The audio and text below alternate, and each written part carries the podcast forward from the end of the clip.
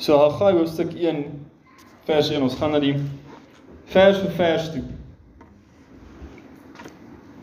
In die tweede jaar van koning Darius, is 537 voor Christus, op die eerste dag van die 6de maand, het die woord van die Here deur die diens van die profeet Haggai gekom tot Zerubbabel, die seun van Sealtiel, die goewerneur van Juda, en tot Joshua, die seun van Josadak, die hoofpriester en gesê so die Here stuur Haggai na die leierskap toe om met die leierskap te praat en spesifiek met hulle te praat oor die tempel en die huis van die Here. Haggai hoofstuk 1 vers 2. So spreek die Here van die leerskaar. Hierdie volk sê, nou hierdie volk op daai oomblik was die oorblyfsel 45000 plus minus mense. Hierdie volk sê wat? nog het die tyd nie gekom die tyd dat die huis van die Here gebou moet word nie. Daai is wat die Here sê die probleem is met die mense. Vers 3 so so so het die woord van die Here dan gekom deur die diens van die profeet Haggai en gesê is dit vir julle self wel tyd om in julle betimmerde huise te woon terwyl hierdie huis in pyn lê. Kan julle sien die probleem was duidelik prioriteite. Duidelik was dit makliker vir die mense om te stop met die bou van die tempel weens die teestand en makliker om dit te gebruik as 'n verskoning om hulle eie ding te doen. En hier kom die Here en hy rig hier profete op en hy sê vir hom sê vir die mense my huis en my prioriteite moet eers wees. Al kos dit teestand. Al kos dit, jy moet teen hierdie mense gaan en hierdie mense wat die koning probeer opsweep teen julle. Kom ons Ek vind julle julle Bybels by julle het. Kom ons blaai gou na Ezra toe. Ezra hoofstuk Sien by 2 Kronieke. Kom ons blaai hierso is Ezra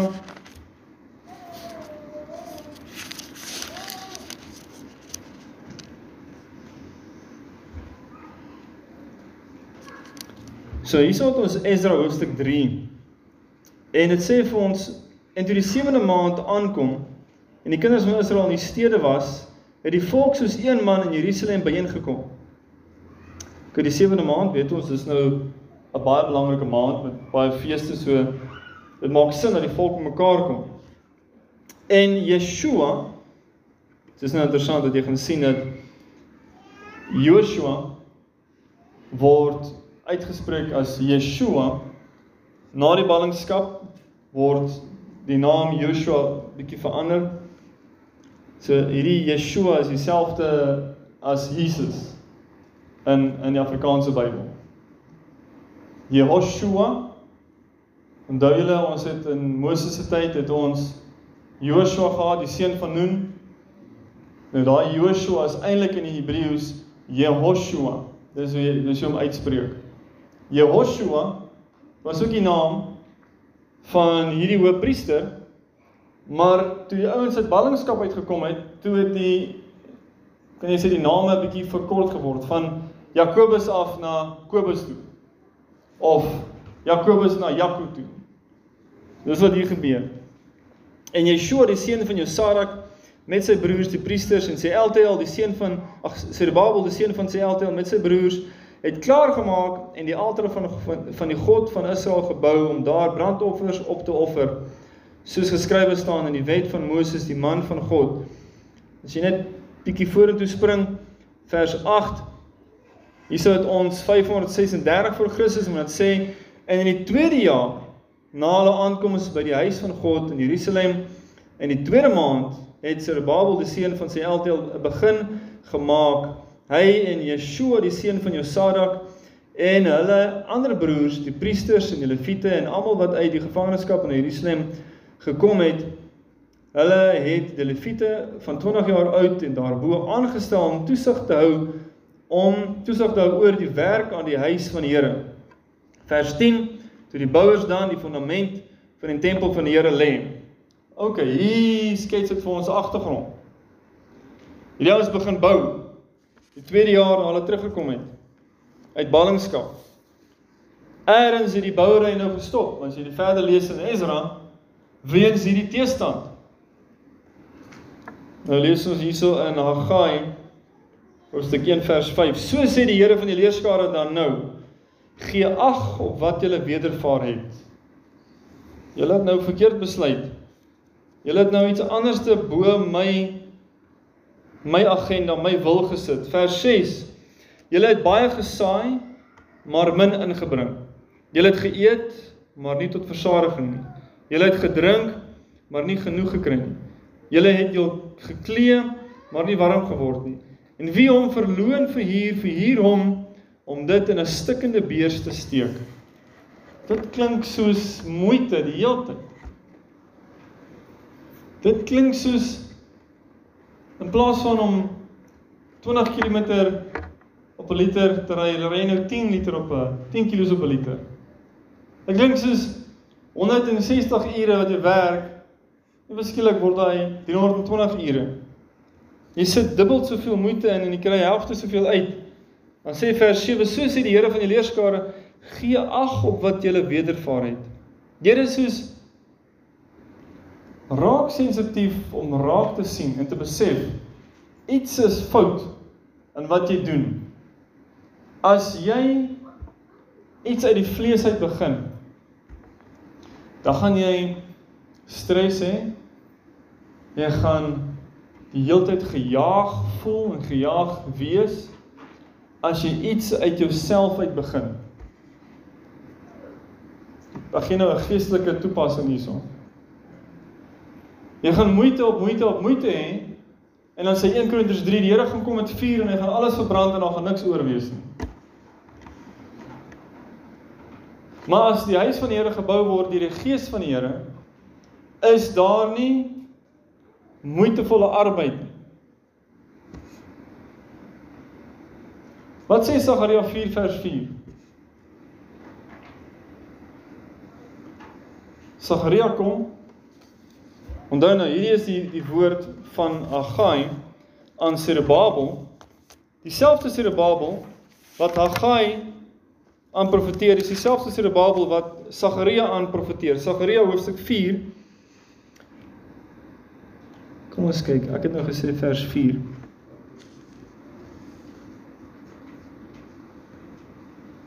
Vers 6 en vers 7. Sagaria 4 vers 6 en 7. Toe antwoord hy en sê vir my: Dit is die woord van die Here aan Zerubbabel. Ons het Haggai gehad wat profeteer aan Zerubbabel om te bemoedig om die huis van die Here te bou. Hier kom Sagaria, die jonger profeet, dieselfde tydperk. Hy profeteer en hy sê aan Zerubbabel: "Nie deur krag of deur geweld nie, maar deur my gees," sê die Here van die leerskare. "Wie is jy, groot berg?" Hierdie teestand. Hierdie uitdaging wat die huis van die Here se bou wil keer. Hy sê wie is jy groot berg voor Sedebabel? Sal jy tot 'n gelykte word? En hy sal die sluitsteen se voorskyn te voorskyn bring onder uitroepe van genade, genade oor hom. Wat is genade, julle? Hoe werk genade? Onverdiende onverdiende uh guns of onverdiende OK. Kom ek stel die vraag anders te Paulus sê in 2 Korintiërs 12 vers 9 dat die Here sê vir hom my genade is vir jou genoeg. As iemand dan leef deur die genade van die Here en hy werk deur die genade van die Here werk hy uit sy eie vermoë uit Werk hy met sy eie vermoë of werk hy met die Here wat hom bekragtig? Jy sien, hierdie genade genade en hierdie bou my huis nie deur krag of deur geweld nie, maar deur my gees is presies die manier hoe ons die huis van die Here moet bou. Nie met ons eie vermoë nie, maar ons moet stop met wat ons doen en se Here help. Efesiërs 2 vers 8 For by grace have you been saved through faith. That not of yourselves, lest anyone should boast. Nee? But it's a gift of God. So wanneer ons stop en sê, Here, U sê ons moet die huis bou. Jesus, dan is moeilik. Sê die Here, want jy doen dit verkeerd. Nie deur krag of geweld nie. Deur my gees. Sê nee, maar wat beteken dit, Here? OK, kom sh, word stil. Kom sit by my. Hoor by my. Dan wanneer jy by my hoor, dan ontvang jy geloof. Dan leer jy om deur geloof op my genade, my krag te staan. En dan doen ek die werk en jy volg net. Dan word die huis van die Here gebou. Vers 8. Hier kom Haggai en hy sê vir die mense: "Klim op die berg." Toe ek en Pastor Louw hierdie eerste keer oor gesels was nog laas jaar. So sê hy, jy sien, klim op die berg na die kruis toe. Want dit sê, klim op die berg en bring hout aan en bou die huis. Sê oké. Okay, gaan op die berg en word gekruisig. En dan, as jy van die kruis afkom, jy is 'n nuwe mens. Die opstanding krag is in jou. Dan kom en werk in die huis van die Here. Ek het nogal baie gehou van daai daai toepassing. Hier word die mense die opdrag gegee. Dan sal ek 'n welgevalle daaraan hê en my verheerlik sê die Here. Wow, dis amazing. Deur Agai sê die Here vir die mense: As julle hierdie ding sal doen, as jy my prioriteit eerste sal stel in jou lewe en al die ander dinge eenkant sit, dan sal ek 'n welgevalle in jou hê en ek sal my verheerlik in jou. Kom ons blaai gou terug na die Ou Testament. Ver terug in die Ou Testament. Dis hoekom julle moet julle Bybel saambring as ons Bybelstudie doen.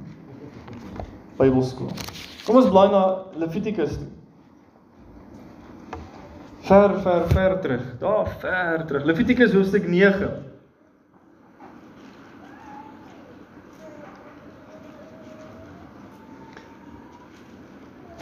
Dis 'n wonderlike stukkie hierdie. Maar wat hier gebeur is Moses kom en hy sê julle wil die heerlikheid van die Here sien. Kom ek gaan julle wys wat julle moet doen, dan gaan julle die heerlikheid van die Here sien. Dan dink jy, "Wow, Moses, kyk." Hy sê hierso. Ek gaan ek gaan hom probeer opsom. So hoofstuk 8 is die priesters is nou vir 7 dae toegewy.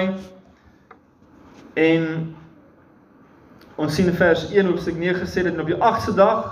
So as jy verstaan waar kom die 8ste dag vandaan? Dis daai 7 dae wat hulle toegewy is. Het Moses het Moses aan Aaron en sy seuns en die oudstes van Israel geroep en aan Aaron nog gesê: "Neem vir jou 'n bulk kalf, 'n bulk kalf as sondoffer en 'n ram as brandoffer, albei sonder gebrek en bring hulle voor die aangesig van die Here. En spreek met die kinders van Israel en sê: Neem 'n bokram as sondoffer en 'n kalf en 'n lam, albei 1 jaar oud, sonder gebrek as brandoffer, ook 'n bul en 'n ram as dankoffer om voor die aangesig van die Here te offer en spysoffer met olie gemeng, want vandag verskyn die Here aan julle. Hæ? Huh? Hoe bou ons die huis van die Here? Ons moet onsself toewy. Eenkant stel.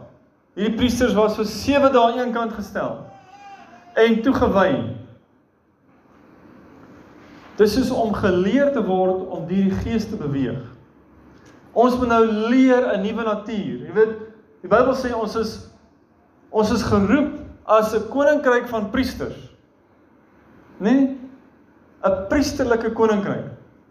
Ons kan nie deel aan hierdie koninkryk hê as ons nie priesters is nie. En wat gebeur hierso? Dis 'n wonderlike ding. Ek lees vir ons hier vers 5.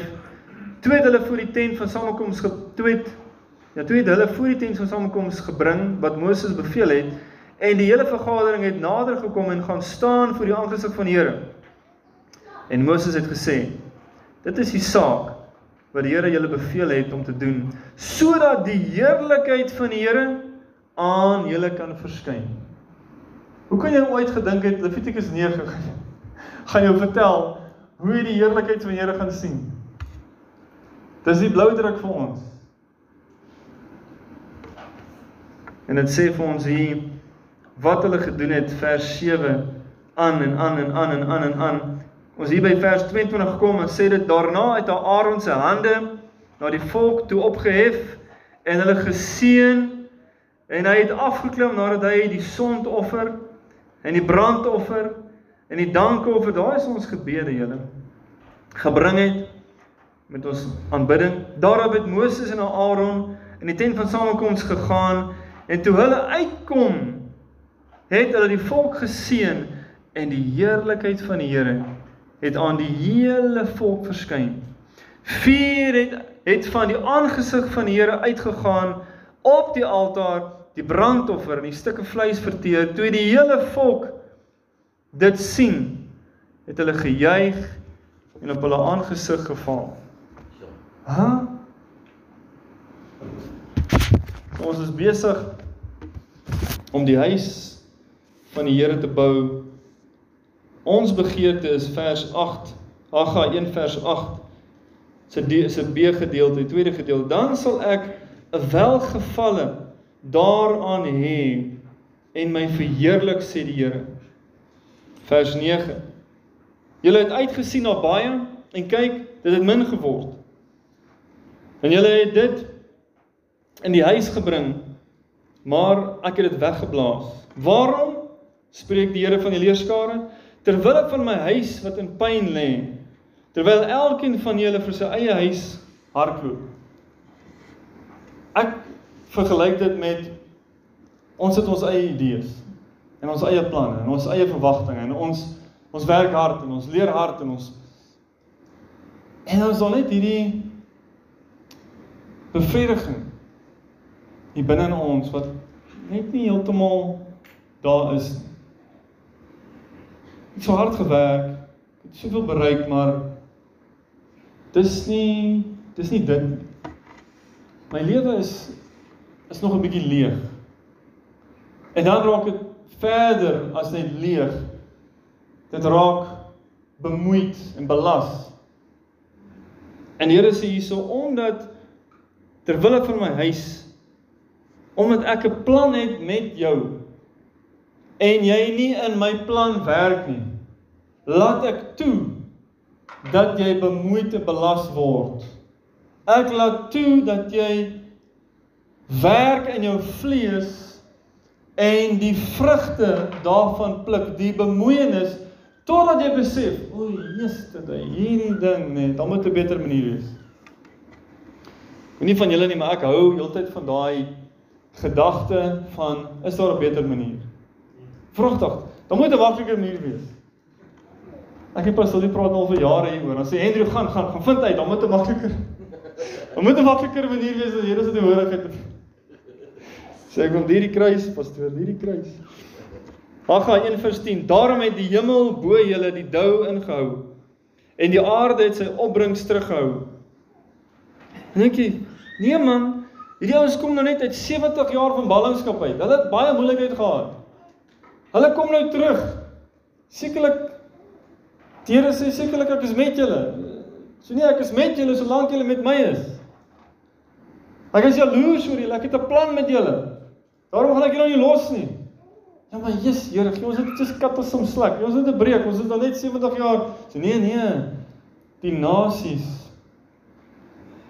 Psalm 2. Vra my en ek sal die nasies gee vir jou as jou erfpos. Daar's iets groter aan die gang as my en jou se gemak. Die eer van die naam van die Here is aan ons verbind. Dis hoekom die Here ons nie los nie. Dis hoekom hy dit nie afmaak nie. Vers 11. En Ek het droogte oor die land geroep en oor die berge en oor die koring en oor die mos en oor die olie en oor alles wat die grond oplewer. Kyk, die boere hou nie van daai ene nie. En oor die mense en oor die diere en oor alle arbeid van die hande. Weet julle wat? Jeremia 17 sê hierdie is die vloek van die Here wat kom as gevolg van 'n mens wat op jou eie vermoë staat maak. Jeremia sê, "Vervloek is hy wat op die vlees vertrou." Jeremia 17 kan jy vergelyk met Galasiërs 3 vers 10. Paulus sê, "Vervloek is hy wat deur die wet regverdig wil word. Die werke van die wet wil doen." Die vlees wil altyd iets doen. En dan sê die Here nee, die vlees moet gekruisig word. Jy moet in rus ingaan. Die rus is 'n rus van geloof in verhouding met die Here. Dis Hebreërs hoofstuk 4. Haggai 1 vers 12 Toe het Serubabel, die seun van Sealtiel en Joshua, die seun van Josadak, die hoofpriester, en die hele oorblyfsel van die volk gehoor gegee aan die stem. Ons blaai om na bladsy 14 aan die stem van die Here hulle God en aan die woorde van Haggai die profeet volgens die opdrag waarmee die Here hulle God hom hulle hom gestuur het. En die volk was vervul met blydskap en jubel en dans en nee nee nee nee wat was dit dan Ag nee, wat wat het gebeur? Ekskuus. Hulle is vervul met vrees voor die aangesig van die Here. Daai is vir my soos 1 Petrus 1 se vrees van vers 17 tot vers 21. Ons is nie gered deur silwer of goud nie, maar deur die kosbare bloed van Jesus. Hy het ons gekoop. En nou behoort ons aan hom. Nou leef ek vir myself. Nou sê hy nee, nee, ek het jou gekoop. Jy behoort aan my. As jy my bloed minag en doen wat jy wil doen na ek jou gekoop het, sê Petrus, laat jy in vrees wandel. Hierdie lewenswandel. Hoekom? Want as jy minder doen as waarvoor die Here jou geroep het. Wat bedoel ek? As jy sê jy is gered deur hom. Hy sy bloed gegee vir jou, jy's gekoop deur hom. Jy sê behoort aan hom, maar jy doen jou eie ding. Dan gaan jy baie pak slaag kry. Want jy's besig om sy bloed, sy prys, sy hoë roeping te minag. Ag nee, dis nie so belangrik nie. Ek is belangriker. Ek gaan mos hemel toe. Ek kan mos nou doen wat ek wil. Dit bring die vrees van die Here in 'n mense wanneer 'n mense besef die Here het 'n groot plan Hy wil sy naam verheerlik, maar ons het vir so lank ons eie ding gedoen. En dan besef ons, o, Jesus. Hierdie ding is ernstig. Hierdie ding is is lewe en dood. Hierdie ding is hemel en hel. Hierdie ding is ewige lewe of ewige verderf. Nie net vir my nie, maar vir die wêreld daar buite wat Christus gesterf het vir. Hy wil hulle bereik deur ons. Maar hy kan nie want ons doen ons eie ding. Dan die oomblik as daai boodskap jou hart tref en jy besef, o wat is aan die gang? Waar staan ek teenoor die Here? Dan kom hierdie vers 12 en die hele volk is met vrees vervul voor die aangesig van die Here. Hulle besef wat aangaan. Daai is goddelike berou. Die vrees van die Here bring goddelike berou en dit bring dat ons 'n verandering aanwend. Vers 13. Daarop het Agai, die boodskapper van die Here, kragtens die boodskap van die Here met die volk gespreek en gesê: Ek is met julle, spreek die Here. Hoekom het hy dit gesê na hulle besef het en nie voor die tyd nie? Want voor die tyd het die Here 'n saak teen hulle gehad. En toe hulle besef, "Jesus, ons het nou verkeerd geleef teenoor die Here." Ons het in die redreis betrokke geraak. In die oomblik toe ons toe daar's 'n stok in ons speke gedruk word en ons moet ewe skielik stop. En ons besef hoekom ons gestop word. Toe besef ons is die Here wat ons aandag kry. En toe draai ons ons harte. En toe sê die Here, ek is met julle, spreek die Here. Wat gebeur volgende? En die Here het die gees van Zerubbabel, die seun van Sealtiel, die goewerneur van Juda en die gees van Joshua, die seun van Josadak die hoofpriester en die gees van die die hele oorblyfsel van die volk opgewek. Wat is 'n ander woord vir opwek? Herleef. It's amazing. Die Here bring die boodskap dat hy 'n plan met sy mense. Maar sy mense is buite sy plan. En omdat sy mense buite sy plan is, laat hy toe dat hulle deur moeilikheid gaan sodat hulle besef wat gaan nou aan hierson. Ons is terug in die beloofde land. Ons het die tempel begin bou. Moeilikheid het gekom. Ons het dit gelos. Ons het begin die huis van gebed bou. Ons het begin 'n altaar van gebed bou in my huis. Ek het begin vroeg opstaan om te bid om die Here te soek. En toe ewe skielik gebeur alles teen my en wat my tyd wil steel en my wil hierdie kant toe bring en moeilikheid en dit en dat en en as ek net gaan saam met die stroom weg van die Here af dan los die Here my nie. Hy kom trek my. En as ek besef dis die Here wat my trek en ek maak my hart reg met hom dan gee hy my sy vrees. En ek het goddelike berou teenoor hom. En ek draai my hart terug na hom toe. En ek sê Here, ek gaan weer dit doen. Ek gaan weer U soek met mag en geweld en ywer. En dan sê die Here, nou gaan ek jou kragtens steun. 2 Kronieke 16 vers 9. Die oop van die Here deurloop die ganse aarde om diegene wie wie se hart volkome op hom gerig is te ondersteun. Dis waar herlewing plaasvind. Dis waar opwekking in jou gees plaasvind. Wat gebeur met daai opgewekte gees? Daar's 'n verlange vanoggend toe ons hier so gesing het in die einde van die in die aanbidding. Toe voel ek hoe die Heilige Gees my sê: "Waar skiet die mense om daai verlange na hom te bewaar in ons harte.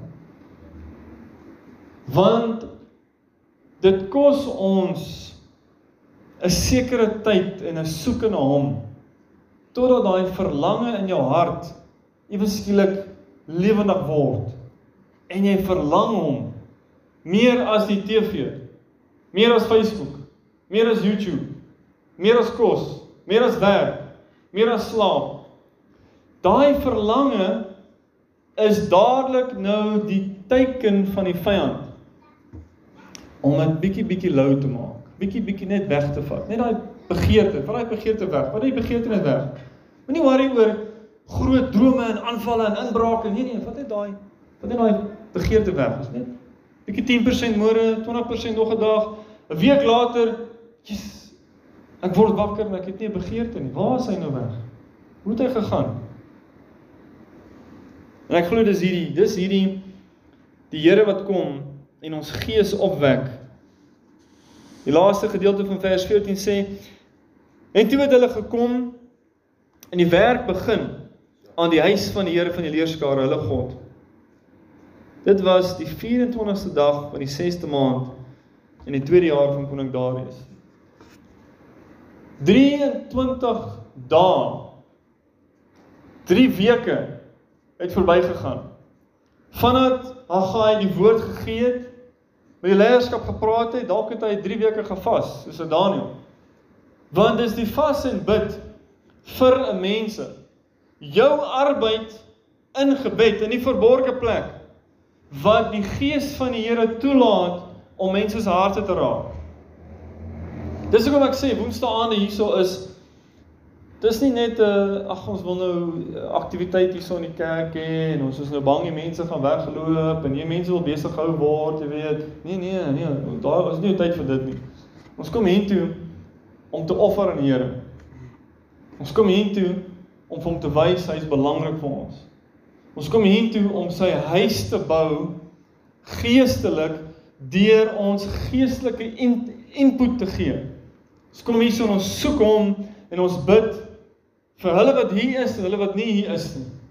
Dat hulle ook kan besef hierdie is wat die Here gesê het. Dit is nou al bietjie meer as 'n jaar wat die Here hierdie woord gegee het vir my persoonlik toe ons hier toe gekom het. Toe sê hy bou my huis. Here maar nou, hoe doen ons dit? Julle jaar voordat my om hierdie vraag te vra in gebed. En die Here sê deur gebed bou jy die huis van gebed. Die prediking is net so kragtig soos die gebed wat daar vooraf gegaan het. Kom ons kyk na die samevatting. Nommer 4. Ek het net vier deeltjies hier opgedeel van Haggai 1. Die profetiese woord van die Here word duidelik verkondig. Haggai 1 vers 1 tot 11. Nou my vraag aan ons is wie gaan hierdie boodskap aan die kerk gee? In ons generasie. Volgende 10, 20, 30 jaar. Ons ons ons wat besef hierdie is die wil van die Here. Haggai 2 vers 9. Hy wil die nasies bereik. Maar hy doen dit deur sy mense. Hy doen dit deur sy huis van gebed. Hy doen dit met Levitikus 9. Jy wil die heerlikheid van die Here sien? Hier sê Moses, dis hoe dit werk. Ek gaan die priesters toewy. Hulle gaan ek hou so mooi van die Engels, die Engels het die woordjie consecrate and dedicate. Consecrate is om hulle te reinig, afgesonder te maak. Dedicate is om hulle toe te wy aan die dienswerk. Toe te rus. Die klere, die vaardighede, die protokol. Het julle opgelet einde van Levitikus 9 toe is die heerlikheid van Here daar. Ja. Wat gebeur in Levitikus die volgende ding? Twee van die priesters sterf in die teenwoordigheid van die Here. Dis Handelinge hoofstuk 5. Die Here die disippels toegerus dedicate, consecrate, die Gees het gekom, die heerlikheid van die Here is daar. En toe minag twee disippels die heerlikheid van die Here. Hulle minag dat die Here is hier. En kan jy jouself nou indink sonoggend hier slaan twee mense dood in die kerk. Hæ? Huh? Dis wat gebeur het en dis wat kom. Ons soek die heerlikheid van die Here, maar dit is dis 'n vuur wat gaan kom skoonmaak. Ons moet die mense wees wat hierdie boodskap kan dra. Punt 2. Die besef van die mense se sonde teen die Here. Hulle nalatigheid het hul afkeurig gemaak. Hulle het vergeet en om te vergeet het hulle gelei om te val. Dis om jare terug het die Here my hierdie droom gegee van hoe mense uit die geestelike geveg uitgetrek word, so soldate wat kom en hulle tree uit die weermag uit. En in die droom kry jy die soldate uh, 'n koevert en die koevert sê vir my met sy weermagklere kom indien by die poskantoor. En uh hy kom toe poskantoor toe met sy weermagklere en hy kom en hy sê hier is die koevertjie en die ou maak die koevertjie oop en hy sê daar's jou koevert. En die soldaat kyk die koevert so en nou staan ek agter hom en ek kyk so oor sy skouer. En toe hy die koevertjie oopmaak, die soldaat Toe staan daar op in Engels so groot geskryf loser. So jy is nou gevang hierso behoorlik. En die man agter die toonbank hardloop om en hy gryp hierdie soldaat en hy sleep hom hier agter die toonbank in. Die voorkoms voor lyk soos 'n poskantoor, maar agter is dit 'n tronk waar hulle mense gijsel. Is dit gijsel? Gesel. Gesel en martel en allerlei goeters doen. En ek sien toe dat hierdie is 'n tronk vir soldate wat gevang is. Maar dit was geestelike soldate, mense wat betrokke was, hulle het gebid, hulle het die Here gehoor, hulle was in die geestelike geveg. En toe is hulle aandag weggetrek. Hulle het minder en minder geestelik geword, minder Bybel gelees en hulle is toe bedrieg met daai koevertjie en toe hulle kom by die toonbank, toe word hulle gevang. En toe ek hierdie ding sien gebeur en hulle hierdie ou vang, toe sien hierdie ou wat nou hierdie soldaat gevange geneem het, toe sien hy my. En hy sien dat ek sien wat aangaan. En toe jaag hulle my. En in die droom het ek letterlik gevlug vir my lewe. Omdat ek nou gesien het hoe werk hierdie ouens se strategie. En dis wat hier gebeur. Nalatigheid lei na afkeerigheid wat lei na sonde in die vlees. So ons moet eers terugkeer na die Here toe. Hy moet weer ons eerste liefde wees en ons eerste prioriteit. Daai is 'n keuse wat ons elke liewe dag met oor en oor en oor maak.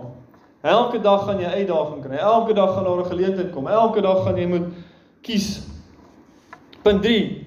Diep sonde besef is goddelike berou en bekering. Dis wat gebeur wanneer ons besef waar is ons teenoor die Here. Maar bekering kom altyd nadat daar 'n diep besef was van hoe ver ons weggedraai het van die Here. En ek dink nie ek dink nie ons besef dit altyd. Want ons raak so gewoond aan die norm van van die wêreld en Christendom en en ons vergelyk so maklik ons geestelikheid met die tweede ou, derde ou langs ons se geestelikheid en dan dink jy jou geestelikheid is nou beter as syne. Weet ek is nou nie so nie. Ek gaan toe mens kyk toe en ek kom bid hier toe. Maar ons moet onsself vergelyk teenoor Jesus. Punt 4. Herlewing nuwe geestelike krag, aan 'n manier om dit te sê. Die Heilige Gees so ons bekragtig om die huis van gebed te bou. Dis daai Sagaria 4 vers 6 en 7. Die Here soek 'n woning vir sy heerlikheid in die laaste dae. En die laaste dae is die tyd wat ons nou in leef. En ons het nou 'n geleentheid. En ons ons dink nie altyd daar daaraan so, maar daar's 'n seisoen Daai seisoen kan ek soveel dit jaar wees wat die Here toelaat dat hierdie boodskap gepreek word, hierdie boodskap verstaan word en hy gee daai tyd vir mense om nou saam met sy gees te beweeg vir die volgende seisoen. En dan kom daar 'n tyd wat die Here sê, nou het hierdie boodskap is hy genoeg gepreek. Die mense het genoeg geleentheid gekry. Nou gaan die boodskap aan. En daai tyd stop. En ek dink dit is vir my daai ek, ek wil nie ek wil nie daar wees waar die Here verby beweeg. En hy sê julle was nie gereed. Jy het nie ernstig gemaak met dit nie. So kom ons staan en gaan ons saam bid.